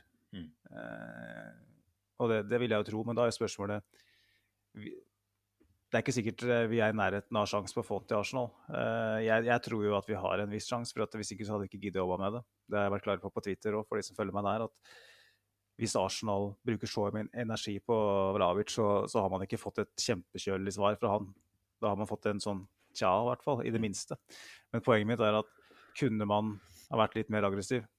Eh, kunne man ha hatt en Ramsdale eh, klar litt tidligere eh, enn Ben White? Kunne man ha hatt en eh, Ben White har kanskje vunnet VM, det husker jeg ikke. Men poenget mitt er at kunne man hatt noen spillere litt tidligere, så at man ikke taper tre-fire poeng her og tre-fire poeng der. For det er det som kanskje gjør at vi ikke får sjanse til å hente de spillerne vi har lyst til neste Mm. sommer. da. Ja, Så det. Så kan du selvfølgelig si at vi er fortsatt i en ganske god posisjon, da. Så ja, de fire poengene, fire-fem poengene man gjerne skulle hatt ekstra, de er jo per i dag ikke det som uh, gjør at ting ser helsvart ut. Nå er vi vel på sjetteplass per i dag, uh, med kamper til gode både på Westham og United over oss.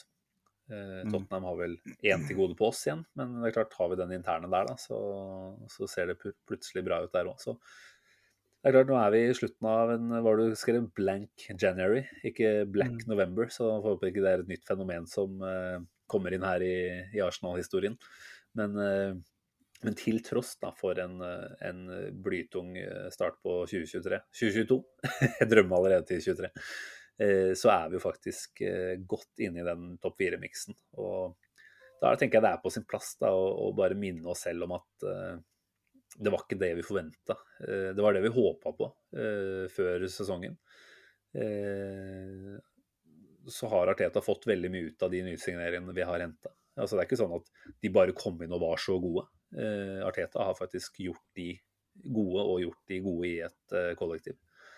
Så det er gjort en veldig god jobb, og vi må kunne tillate oss å drømme litt. Men eh, jeg tenkte det er viktig å, å puste litt på magen også etter en eh, dog veldig frustrerende 0-0 mot Burnley, og minne oss selv på at vi er allikevel på et veldig bra sted. Da. Eh, og hvis vi, som du sier, kanskje kommer i havn med noe mot slutten av et, et overgangsvindu nå, så har vi fortsatt veldig gode muligheter for å, å dra inn mot noe som kan bli ganske ganske godt luktende, ikke lungemos, eh, mot sommeren. Nei, altså eh, Jeg har funnet opp et uttrykk eh, nylig, eh, før vi går videre. Eh, fordi at man, man er i en situasjon hvor man, man har det man har. Eh, man jobber med det man har av verktøy. Og jeg håper at vi kommer dit nå etter hvert at vi slipper å sette vår lit til spillere som du vet kommer til å skuffe deg. Eh, Granit Xhaka er jo kan du si Lacassette til dels er en sånn spiller, men jeg føler Granit Xhaka er virkelig den spilleren. Granit Xhaka, det blir Det blir som å, å sette sin lit til Granit Xhaka gang på gang. Det blir som å prøve å reparere, reparere en hangover med en ny fest. Du, det blir, føles jævlig deilig en periode, og så havner du face down på baderomsflisen igjen, og du vet at du kommer til å gjøre det. Og Det er Granit Xhaka for meg. Og nå, nå føler jeg at uh, at tida har kommet uh, for å komme seg forbi slike fotballspillere i Arsenal. Vi har hatt David Luiz og Granit Xhaka samtidig som bærebjelker i Arsenal. Det, det forklarer så jævlig mye. Det forklarer så jævlig mye. Sånn at eh, når jeg ser Liverpool og jeg ser City, så ser jeg på liksom, konsentrasjonsevne eh, i løpet av 90 Mm, minutter. mm. Liksom. Det, det er så ekstremt. Det er så Fabinho, for eksempel. Timingen på alt han gjør, liksom. Sånne, type, han kommer liksom sånn, med sånn last ditch tackle, liksom, kommer inn liksom, bare for å redde et mål. Han gjør det så pågående. Og det er sånne ting som det der da, som vi ikke har.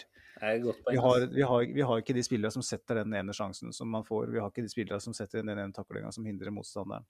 Eh, og det er kanskje en, en finger i jorda på et vis som man stikker. Eh, man skjønner at vi at vi mangler en del spillere eh, fortsatt. Vi Mm. mangler eh, kanskje både to og tre og fire sånne virkelig store personligheter i elveren for å kunne konkurrere med City og Liverpool. Ja, jeg tenker at eh, to, to åpenbare er det i hvert fall i en spiss og en, eh, en sentral midtbane der. Og så er det jo bare å fortsette å, å bygge opp under de unggutta, uh, som jeg tror har potensial til å bli de matchvinnerne med, med konsentrasjonsevnen eh, i boks også. Eh, men, men vi må akseptere at de også svinger litt.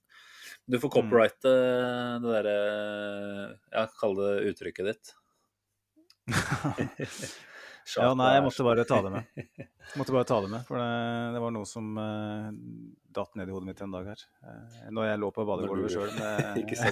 Jeg, jeg har gjort det igjen, liksom. Jævlig mye bra ideer som uh, skapes der nede på ballgulvet. Tofotsfest igjen, som havner på badegulvet. Du, skal vi si at vi er ganske godt i havn med dagens uh, samtaleemner? Og så skrur vi fokuset over på X-spillerspalte. Er du klar for det? Jeg er klar for det. Ja. Skru tida tilbake til uh, en Oh. verden uten pandemi. The good times. Ja, kanskje enda et uh, stykke tilbake også. Vi får se. Spent jeg nå. Ja, men- Jeg skrev den her uh, Jeg er ikke helt sikker på når, men jeg tror det var kanskje i romjula eller noe sånt. Sånn at den er en måned gammel rundt, tipper jeg. Og jeg har ikke lest den siden da, så jeg håper at, at det ikke blir for mye sånne tekniske stopp. Fordi at jeg ikke har helt sjargongen. Men Du vet, Vi får se. De redigeres alltid ut, så det er kun perfeksjon det som kommer ut eh, til lytterne. ja. ja, vi får se. Enjoy. Det skal i hvert fall jeg gjøre. Han har rett og slett ikke ferdighetene til å hevde seg blant eliten. Derfor får han ikke fornyet sin kontrakt. Konduktøren hadde veiva med flagget og blåst i fløyta. Dagens X-spiller var 22 år gammel og sto rotfast på perrongen, mens røyksignalene fra lokomotivet bar bud om knuste drømmer. Klubben hans, Grenoble, hadde nettopp rykka opp til det øverste nivået i fransk fotball. Men den sportslige ledelsen hadde ingen tro på at den storvokste angriperen hadde forutsetning, forutsetninger for å lede linja. Dermed gled toget ut fra stasjonen, og vår mann måtte lutrygget returnere til fotballens venteværelse. Det var da lille Thors tok kontakt, og ga vår mann en livbøye. På nivå to i fransk fotball skulle han få sjansen til å vise at alder kun er et tall. I løpet av halvannet år i sin nye klubb viste måljegeren at hans aspirasjoner mot større ting ikke var feilslått. Hans nyvunne målteft hadde ikke gått ubemerket hen, og snart var han tilbake på drømmenes perrong. Dette toget kunne han ikke misse. Ligue Air-klubben Montpellier tilbød billett på første klasse, og høsten 2010, i en alder av 24 år, debuterte han endelig på det høyeste nivået. Også her viste dagens X-spiller at Grenoble tok skammelig feil av ham. I sin andre sesong i Montpellier banka han inn hele 21 ligaskåringer og ble med det ligaens toppskårer. I tillegg sto han for ni målgivende pasninger. Og som om ikke det var nok, vant Montpellier Liga foran nyrike PSG. For en revansj for spissen. Også Le Bleu hadde fått øynene opp for Montpelliers late bloomer, og etter hvert ble han en selvskreven mann i Laura Blancs landslagstropper. Med trikoloren på brystet var det nå bare tidsspørsmål før han vokste fra også Montpellier. Og sommeren 2012 sto Arsenal Wenger klar med sjekkheftet. Robin van Persis PR, selvmordsbrev til fansen og påfølgende exit gjorde at Arsenal nå trengte en ny målgjører. En ny linjeleder. Lukas Podolsky hadde allerede ankommet, så mange tenkte nok at dagens X-spiller ville få buen til andre fiolin. Det viste seg imidlertid kjapt at Wenger hadde få intensjoner om å benytte Prince Poldy som midtspiss, og da Theo Walcott heller ikke evnet å gripe muligheten, var veien rydda. Det ble hele 47 opptredener den første sesongen, og 17 skåringer. Foran hans andre sesong hadde Wengers sjekkhefte plutselig fått inngravert flere desimaler, og på deadline day 2013 sto selveste Mesut Özil og poserte med kanonskjorta. Dette skulle være nettopp det doktoren foreskrev for vår mann. Den franske murbrekkeren utvikla et fruktbart samarbeid med den tyske assistkongen. Timingen og presisjonen i Øsils avleveringer ga ham stadig bedre arbeidsforhold, mens franskmannen helt elleville førstetouch og evne til å orientere seg i boksen hjalp tyskeren med å sette opp kombinasjoner som ellers ville vært umulige. Det fantes trolig ingen i verden som var bedre på å flikke ballen feilvendt i boksen. Det var et våpen Arsenal kunne ha utnyttet enda bedre, mener mange. Balanse, styrke, touch, vekting, orientering. Det var helt vanvittig. Og best kom det til syne i 4-1-seieren mot Norwich høsten 2013, da han sammen med Jack Wilshere kreerte en scoring for evigheten. En oppvisning i kombinasjonsspill av ypperste sort. En scoring fra treningsfeltet med en harmoni mellom touch, bevegelse og timing som ikke skal være mulig. Men vår mann hadde også sine kritikere. De var mange, og de var hensynsløse. Arsenal vinner aldri ligaen med en så stasjonær spiss, ble det predikert fra pundits og forstår seg på året. Vi trenger en Suárez eller en Aguero, ikke en jævla lyktestolpe, bjeffa enkelte fans. Franskmannen ble til stadighet veid og målt opp mot rivalens mer dynamiske og hurtige ledestjerner. Man kan bli tilgitt for å føle seg misforstått. Du vil aldri kunne skjære brød med en ostehøvel. Men det betyr ikke at ostehøvelen er avleggs. Hans funksjon i Arsenal-laget var en, av en helt annen karakter enn Aguerius i City. Og pressens gjentatte masing om mangel på tempo og smidighet kan ikke beskrives som annet enn flaut. Måten Frankrike har benytta seg av ham som spiss, på bekostning av mange større stjerner, samt evolusjonen til den moderne spissrollen, vil være en påminnelse om at brødsaksa iblant bør klappes igjen. Men det var likevel aspekter ved dagens X-Filer som irriterte selv hans mest svorne tilhengere. I perioder hvor målene rant inn og kritikken lå i brakk, ble han for komfortabel. Ofte fulgte lange perioder med måltørke og uinspirerte prestasjoner. Klaging på dommer og overspilling ble benytta som kamuflasjeforsøk hvis det kladda. I sesongen 2015-16, bedre kjent som Leicester-sesongen, lå Arsenal svært godt an halvveis. Og det takka mye være franskmannen, som skåra tolv ganger på de første 21 kampene, ofte assistert av en Øsil i kalasform. Nå skulle den utskjelte lyktestolpen virkelig få muligheten til å mure igjen brødsaksa til de såkalte ekspertene. Dessverre havna han også, denne gangen, i en falsk komfortsone og gikk på et måltørke som varte og rakk i hele 15 kamper. Øsil og co. fortsatte å servere ham, men rytmen og skarpheten hadde forsvunnet som dugg for solen. I en rekke jevne affærer mangla Arsenal en spiss som bidro med målpoeng. Og det i en sesong hvor rullebanen var totalt rydda for de store rivalene. Man kan godt si at uopprettelig skade skjedde i løpet av denne våren. Mange mista troa for godt. Men den eplekjekke Lebeløs-stjernen var vant til å leve med skepsis rundt sine ferdigheter. Gjennom hele karrieren har han stilna heseblesende kritikere. Hele veien fra Grenoble til Chelsea. Og han er alltid best når han har noe å bevise. Etter hvert som Wenger begynte å se på alternative løsninger, ble han stadig påminna hvor god hans franske spiss kunne være. Med brann under føttene og illsinte kritikere i øret leverte han gang på gang. Som innbytter er det kun Jermaine Defoe som har flere fulltreffere i Premier League-historien. Og det skulle gjerne gjøres spektakulært. The Hot Fucking Bastard, som mange kaller ham, er en YouTube-sensasjon av det sjeldne. Sylskarpe flikker på første stolpe, elleville saksespark og spektakulære brasser. Det bugner over av umulige pinner. Og den mest umulige av dem alle kom selvsagt i Arsenal-trøya. Skorpiongollen mot Crystal Palace bør ha 18 års aldersgrense. Not safe for work. Den ble også behørig belønna med Puskas-prisen som årets mål i verden i 2017. En teknisk umulig manøver som sikra ham udødelighet. Men øyeblikk som dette til tross. Hans tid som førstevalg i Arsenal var forbi, og signeringen av Alexander Lacassette sommeren 2017 var et tydelig signal. Aubameyangs ankomst kun et halvt år senere betød at superinnbytteren måtte finne seg en ny benk å varme. Ferden gikk videre til det blå rubelforetaket i Vest-London. Og han fortsatte også der å levere de utroligste ting, da skeptikerne var på sitt ivrigste.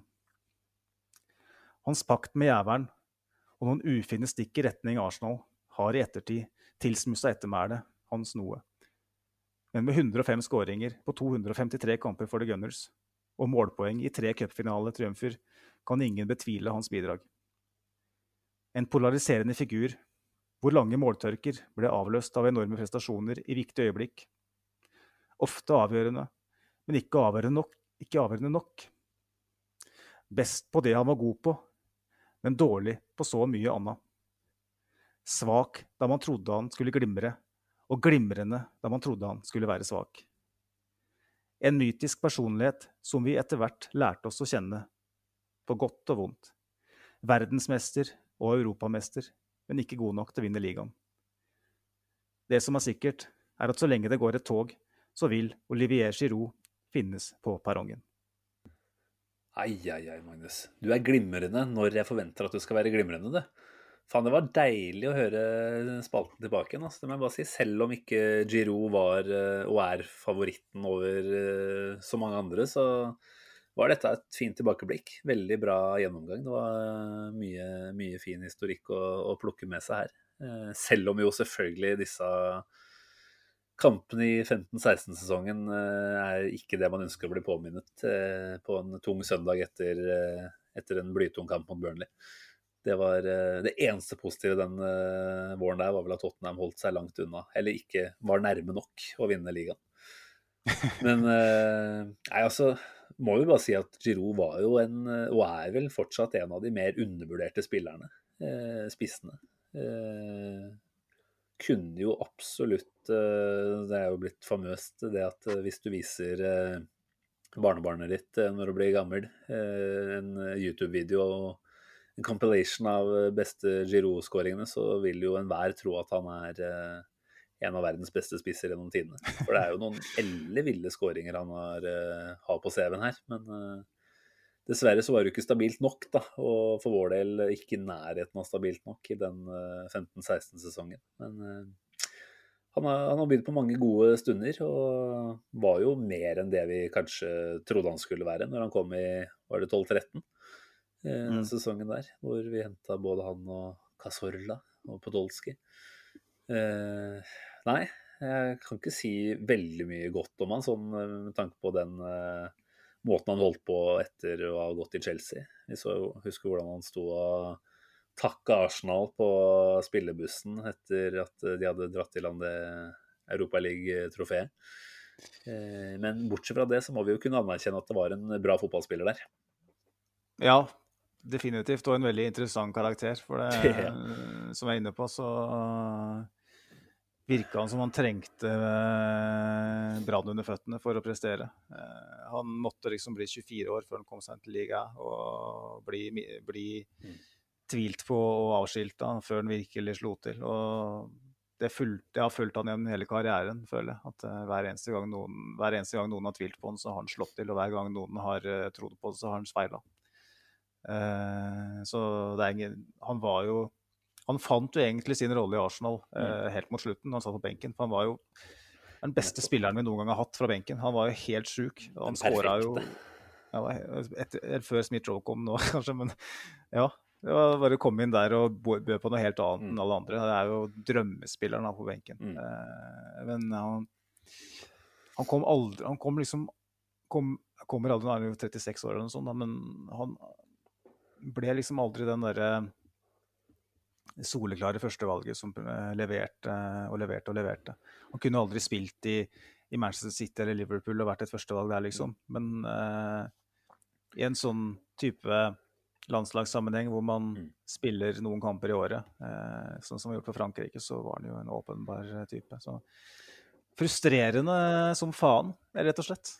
Ja, og det var på en måte altså, absolutt hans feil at han gikk på den lange tørkeperioden. Men det er jo ikke hans feil at han var den eneste, eller den vi måtte sette vår største lit til eh, i målscoring eh, en periode der. Eh, men det er klart, hadde du han og Lacassette, eh, som jo fikk noen eh, måneder sammen eh, Hadde han tillatt en sånn type rolle, så hadde vi jo plutselig sittet i en ganske ålreit situasjon. da med et uh, spisspar som utfyller hverandre på en del måter. Han og Aubameyang kanskje enda mer, eh, Ja. kan du jo selvfølgelig si. Men eh, Det var jo en idiotisk situasjon vi havna i. da, fordi at uh, vi, vi var jo så desperate. Eh, sommeren 2017 var det vel at Mm. vi henta Lacassette, som Wenger vel hadde hatt sjansen til å hente så utrolig mange ganger. det var vel hver sesong i tre-fire Ja. år der, ja. Og så var bare OK, da får vi gå for den, da, for det er ingen andre som kommer. Eh, og så går- byr muligheten seg for Ja. Da et halvt år senere, og så plutselig har han brukt over en milliard på, på to spisser eh, som helst ikke skal spille sammen. Og så tenker man at hva om man hadde fått Auba allerede da, den sommeren, og så Mm. hatt en Giroud som backup. Det hadde jo vært noe helt annet. Ja. Så, men det, det var jo Arsenal på den tida. Det var eh, veldig mye utskiftninger på styrerom osv. Og, så videre, og veldig lite plan. plukke Så de mulighetene som dukka opp på overgangsmarkedet. Det var vel sånn vi opererte en lengre periode der, egentlig. Mm. Så nei, men det, det er en eh, handsome French bloke. Jeg trodde det var det HFB sto for, jeg. men du kalte den hot, hot fucking Hot bastard. fucking bastard. Okay, det var det jeg har hørt. Jeg har hørt begge deler. Begge deler gjelder. Han var eh, ja, fin, finere og finere eh, sånn utseendemessig. Det må han jo ha. Ja, kjekk mann. Kjekk mann. Hadde du, hvis du kunne fått valget nå, da, januar, går mot slutten Hvis man eh, hadde fått muligheten til å plukke inn en, eh, en Giro på en seks måneders som benkefyll og kaste inn på det siste kvarteret, hadde du sagt ja takk? Hvis det hadde vært det eneste, så og du hadde sagt til meg at Abba ikke kom til Ja, ja, med den forutsetningen, selvfølgelig. Så ja, ja, jeg hadde nok sagt ja til det. Tvilsomt. Jeg vet ikke om eh, Hva med deg? Ja, ja, altså hvis det er det eller eh, Altså hvis vi snakker en, en lånekontrakt med hvem som helst, så er jo en sånn type spiller det man kunne, kunne sett, da. Altså at det kom inn noe som var helt annerledes, som bøy på andre spissferdigheter. Og igjen, da, i dag, ikke sant. Vi har vel etter hvert ganske mange kamper hvor vi kunne satt pris på å ha en sterk hodespiller inne i boksen der. Eh, så litt sånn Du, du elska han ikke nødvendigvis hardt når vi hadde han, men du har lært å sette pris på kvaliteten han, han tilbød når vi ikke har muligheten til å sette den innpå lenger. Mm. Så nei, vi orker ikke å, å gråte over spilt melk og, og tenke at vi ønsker Giroud tilbake, for det blir for smålig. Men en, en type som byr på noen andre kvaliteter, det hadde vi sagt ja takk til. Absolutt. Ja, når vi slår og slår innlegg som 25-34 eller hva det var i løpet av en match, så, så ja, selvfølgelig. Men ja, ikke la oss, eh, la oss stenge, skru igjen den melkekartongen. Enig, enig, vi gjør det. Vi stenger igjen eh, alt som kan eh, skrus igjen, vi. Så får vi heller komme tilbake med mer fotballprat når tida er moden for det. Om det blir Om det skulle være en eller annen spennende signatur som er på vei inn dørene på Emirates, så, så kan det hende vi finner, finner det for godt å ta en prat da. Hvis ikke, så kanskje vi ikke er tilbake før etter overgangsvinduet er stengt. Skal vi se, når er, når er vi snakker da? Ja, det er mandag eh, om, ja, Når denne poden kommer ut, så er det jo en uke til. Da. Så da blir det i så fall en mm. Vi får se hvordan vi løser det. Vi Ja. sitter ikke og livepodder eh, siste innspurten på overgangsvinduet, i hvert fall. Det gjør vi ikke. Det orker jeg ikke. Jeg blir alltid trøtt når klokka nærmer seg 11. Så sånn cirka nå så må jeg begynne å tenke på å skru av. Jeg lover at vi gjør det hvis Erling Haaland er på vei inn. OK, greit. Jeg er med. Sniffe Mm. kokain og holde meg våken hele natta. Ja, det Det- Jeg tenkte jo å spise rabarbra med sukker, da, men eh, OK. Det er det- funker, så- forskjellige, forskjellige typer måter å holde seg våken på. Oh, nå, nå følte jeg at jeg framstår som en lite, lite sunn person. Jeg driver jo åpenbart ikke med sånne ting. Det, du som kjenner meg, Magnus, vet at det var en eh, dårlig spøk, bare. Det var en rabarbra-sprøk. Nja, greit. Det- Akkurat da tok jeg den rollen eh, på din, dine vegne. Takk. Du er avvæpnende og ufarlig. Jeg setter pris på det. Bra, Magnus. Det var hyggelig å både se deg og prate med deg igjen. Og så for å lykke til med det som eh, venter i kommende uke. Takk for det. I like måte. Jo, takk. Eh, Jeg vet ikke hva det er, men eh, jeg håper det blir bra. Bare jobb og kile. Altså, alt er bedre enn å sitte i isolasjon på, på gjesterommet. Så jeg gleder meg til å jobbe. Det blir en fin uke. Mm. Ja. Vi snakkes ikke altfor lenge. Eh, tusen takk til deg som lytter. Det setter vi jo veldig stor pris på. Eh, oppfordrer jo som alltid til en liten eh, titt innom Twitter- eller Facebook-kanalen vår, Magnus. Det ender jo at du er inne og oppdaterer litt der. Så Det blir bedre nå etter hvert nå. Det har vært eh, litt spesiell tid akkurat nå. Så vi er nok tilbake for, for fullt eh, i løpet av noen dager. vi lover jo ikke for mye her. Det er, Nei, vi lover eh, ingenting. det er Men sa jeg lover? Jeg sa, jeg sa at eh, Nei, du sa Det jeg skulle si, var at eh, det er en bitte, bitte liten sjanse for at vi er tilbake der vi pleier å være. Yes, yes, yes. Fine greier. Nei, men Da sier vi på gjenhør om ikke altfor lenge, så, så snakkes vi. Ha det, ha det. Hei.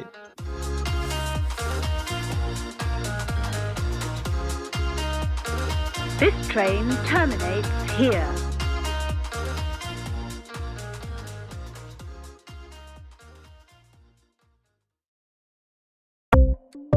Ukens annonsør er HelloFresh.